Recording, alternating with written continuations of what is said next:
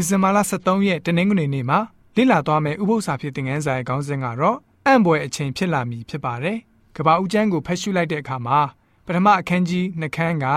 ဟန်ချက်ညီမျှတဲ့ဖန်ဆင်းခြင်းအကြောင်းကိုရေးသားထားပါတယ်။ကပ္ပဦးကျမ်းခန်းကြီး1မှာရက်သက်တစ်ပတ်အတွင်းအစီအစဉ်တကျဖန်ဆင်းတာနဲ့မြေပေါ်မှာပေါက်ရောက်ကြီးထွားလာတဲ့ဖန်ဆင်းခဲ့တဲ့အရာတွေအကြောင်းရေးသားထားပါတယ်။အသက်ရှင်လှူရှားသွားလာတဲ့သတ္တဝါတွေနဲ့ 6ရက်နေ့မှာလူယောက်ျားနဲ့လူမိန်းမကိုဖန်ဆင်းတော်မူခဲ့ပါတယ်။ကပောက်ကျန်ခန်းကြီး2မှာတော့တူညီတဲ့မှတ်တမ်းမဲ့ရာတွေရေးသားထားတော်လဲပဲ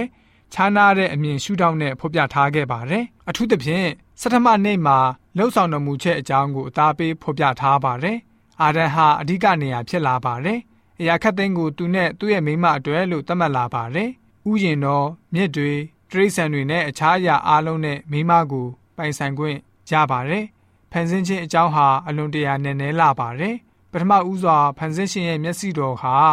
အလှပကိုပြည့်စုံစွာမြင်တက်ခြင်းသဘောနဲ့တကူတော်နဲ့ပြည့်စုံတဲ့အကြောင်းသင်ယူသိရှိနိုင်ပါတယ်အဲ့ဒီနောက်မှာတော့ထထဖျားဟာယင်းဤကျွမ်းဝင်မှုကိုနှစ်သက်တော်မူတဲ့ဖျားလူသားအချင်းချင်းချစ်ကြဖို့နဲ့တရဝါအားလုံးကိုချစ်တတ်ဖို့အလိုရှိတော်မူတာတွေ့ရပါတယ်။ကပောက်ကျဲခန်းကြီး1နဲ့အခန်းကြီး2ကိုဖတ်ပြီးတော့ပထမဦးဆုံးဥပုတော်နေ့ ဘယ်လိုမျိုးစီမံထားသလဲဆိုတာကိုကပောက်ချက်ခန်းကြီး2အငယ်1ကနေ3မှာတွေ့နိုင်ပါတယ်။ကပောက်ချက်ခန်းကြီး2အငယ်1ကနေ3ကိုဖတ်ပါမယ်။ထို့သောကောင်းကင်မြေကြီးနှင့်တကွခသိန်းသောတစားတို့သည်ပြည်စည်းလျက်ရှိကြ၏။တတမနေ့ရဲ့ရောက်လင်ဖျားသခင်သည်ဖန်ဆင်းသောအမှုကိုလက်ဆက်သက်တော်မူခဲ့ပြီးသည်နှင့် လက်ဆက်သက်တော်မူခဲ့ပြီးသည်ဖြစ်၍ဖန်ဆင်းသမျှသောအမှုရာတို့သည်ပြည်စည်းပြီးမှထိုတတမနေ့၌ငြိမ်ဝတ်စွာနေတော်မူ၏ထိုတတမနေ့ကိုဖျားသခင်သည်ကောင်းကြီးပေး၍တန်ရှင်းစေတော်မူ၏အကြောင်းမူကားဖန်ဆင်းပြပြင်တော်မူသောအမှုအရာအလုံးစုံတို့သည်ပြည်စည်းသောကြောင့်ထိုနေ့ရက်၌ငြိမ်ဝတ်စွာနေတော်မူ၏ဆိုပြီးတော့ဖော်ပြထားပါတယ်ကျွန်တော်တို့ကိုကိုကျွန်တော်တို့အာဒံအေဝါလို့ခန်းစားကြည့်ပြီးတော့ပထမဦးဆုံးဥပုဒ္ဒော်နေ့မှာရှိနေတယ်လို့သဘောထားကြည့်လိုက်ပါ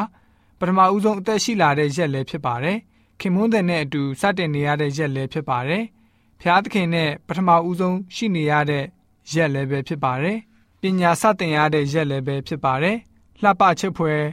ဖန်ဆင်းခြင်းလက်ရအလုံးစုံကိုစတင်လေ့လာရတဲ့နေ့ရက်တရက်လည်းဖြစ်ပါတယ်။ကျွန်တော်တို့အနေနဲ့စင်ကြီးတကောင်ကိုစတင်တွေ့လိုက်တာနဲ့အံ့အားသင့်သွားသလို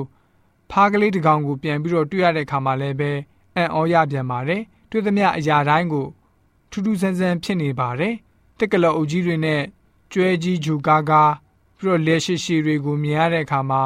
ကျွန်တော်တို့ပြုံးမိပါလိမ့်မယ်။အယောင်မျိုးစုံပုံသဏ္ဍာန်မျိုးစုံတွေ့မြင်ရတဲ့အခါမှာပြီးတော့အတန်မျိုးစုံကြားတဲ့အခါမှာနောက်ပြီးအနက်အရသာတွေကိုကျွန်တော်တို့ကိုယ်တိုင်မြည်ဆန်းစစ်ဆေးရတဲ့အခါမှာအရာခတ်သိမ်းတဲ့ရင်းနှီးကျွမ်းဝင်ဖို့ကျွန်တော်တို့ဟာကိုယ်တိုင်သင်ယူလေ့လာနေတယ်လို့ခန်းစားကြည့်လိုက်ပါကျွန်တော်တို့ပြုစုရမယ့်တာဝန်နဲ့ချစ်မြတ်နိုးရမယ့်နှလုံးသားတွေတဖွာဖွာ ပေါ်လာမှာဖြစ်ပါတယ်။ဖန်ဆင်းရှင်ဖျားနဲ့အတူကျွန်တော်တို့အနေနဲ့မြည်ဆန်လေ့လာကြည့်မှာဖြစ်ပါတယ်။ကြံတဲ့ဖန်ဆင်းခြင်းခံတဲ့အရာတွေနဲ့တရင်တနည်းလက်တွေ့ပါဝင်လှုပ်ဆောင်မှာလည်းဖြစ်ပါတယ်။ဆိုတော့အာရန်နဲ့အေဝါအတွက်ပထမဦးဆုံးဥပုဒ္ဒောနေ့ရက်ဟာအရသာအပြည့်စုံခံစားရခြင်းမရှိသေးပါဘူး။ဖျားသခင်ဟာသူတို့အတွက်ဖန်ဆင်းပေးထားခြင်းဖြစ်ပြီးတော့ဖန်ဆင်းရှင်နဲ့ဖန်ဆင်းသမျှအရာအလုံးကိုအောက်မေ့တတိယစီဖို့အတွက်အထိမ့်မဲ့ပြုထားတာဖြစ်ပါတယ်။အဲ့ဒီနေ့ရောက်တဲ့အချိန်မှာအံ့ဩမိန်မောဖွယ်ရာအတွက် သတ်မှတ်ထားတဲ့အချိန်ဖြစ်ပါတယ်။ပထမအဦးဆုံးဥပုတော်နေ့မှာအာဒန်နဲ့အေဝါတို့ရရှိတဲ့ပညာရေးအခွင့်အရေးတွေကိုစင်ပြုစုကြည့်လိုက်ပါ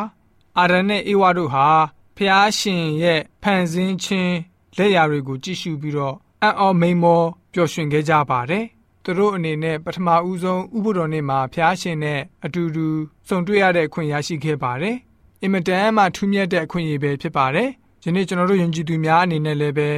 ဖျားရှင်ရဲ့တန်ရှင်းသောဥပဒေနဲ့ရောက်လာပြီဆိုလို့ရှိရင်ဖျားရှင်ဟာကျွန်တော်တို့ရဲ့ဖန်ဆင်းရှင်ဖြစ်တယ်ပြီးတော့ဖျားရှင်ကိုဆိုလို့ရှိရင်ဝုပြုကူးကွယ်ဖို့ဖြစ်တယ်ဆိုတာကိုပြန်လည်အောက်မေ့တတိယဖို့အတွက်တနင်္ဂနွေနေ့ဥပုသ္စာဖြစ်တဲ့ငန်းစာကဖော်ပြထားပါတယ်။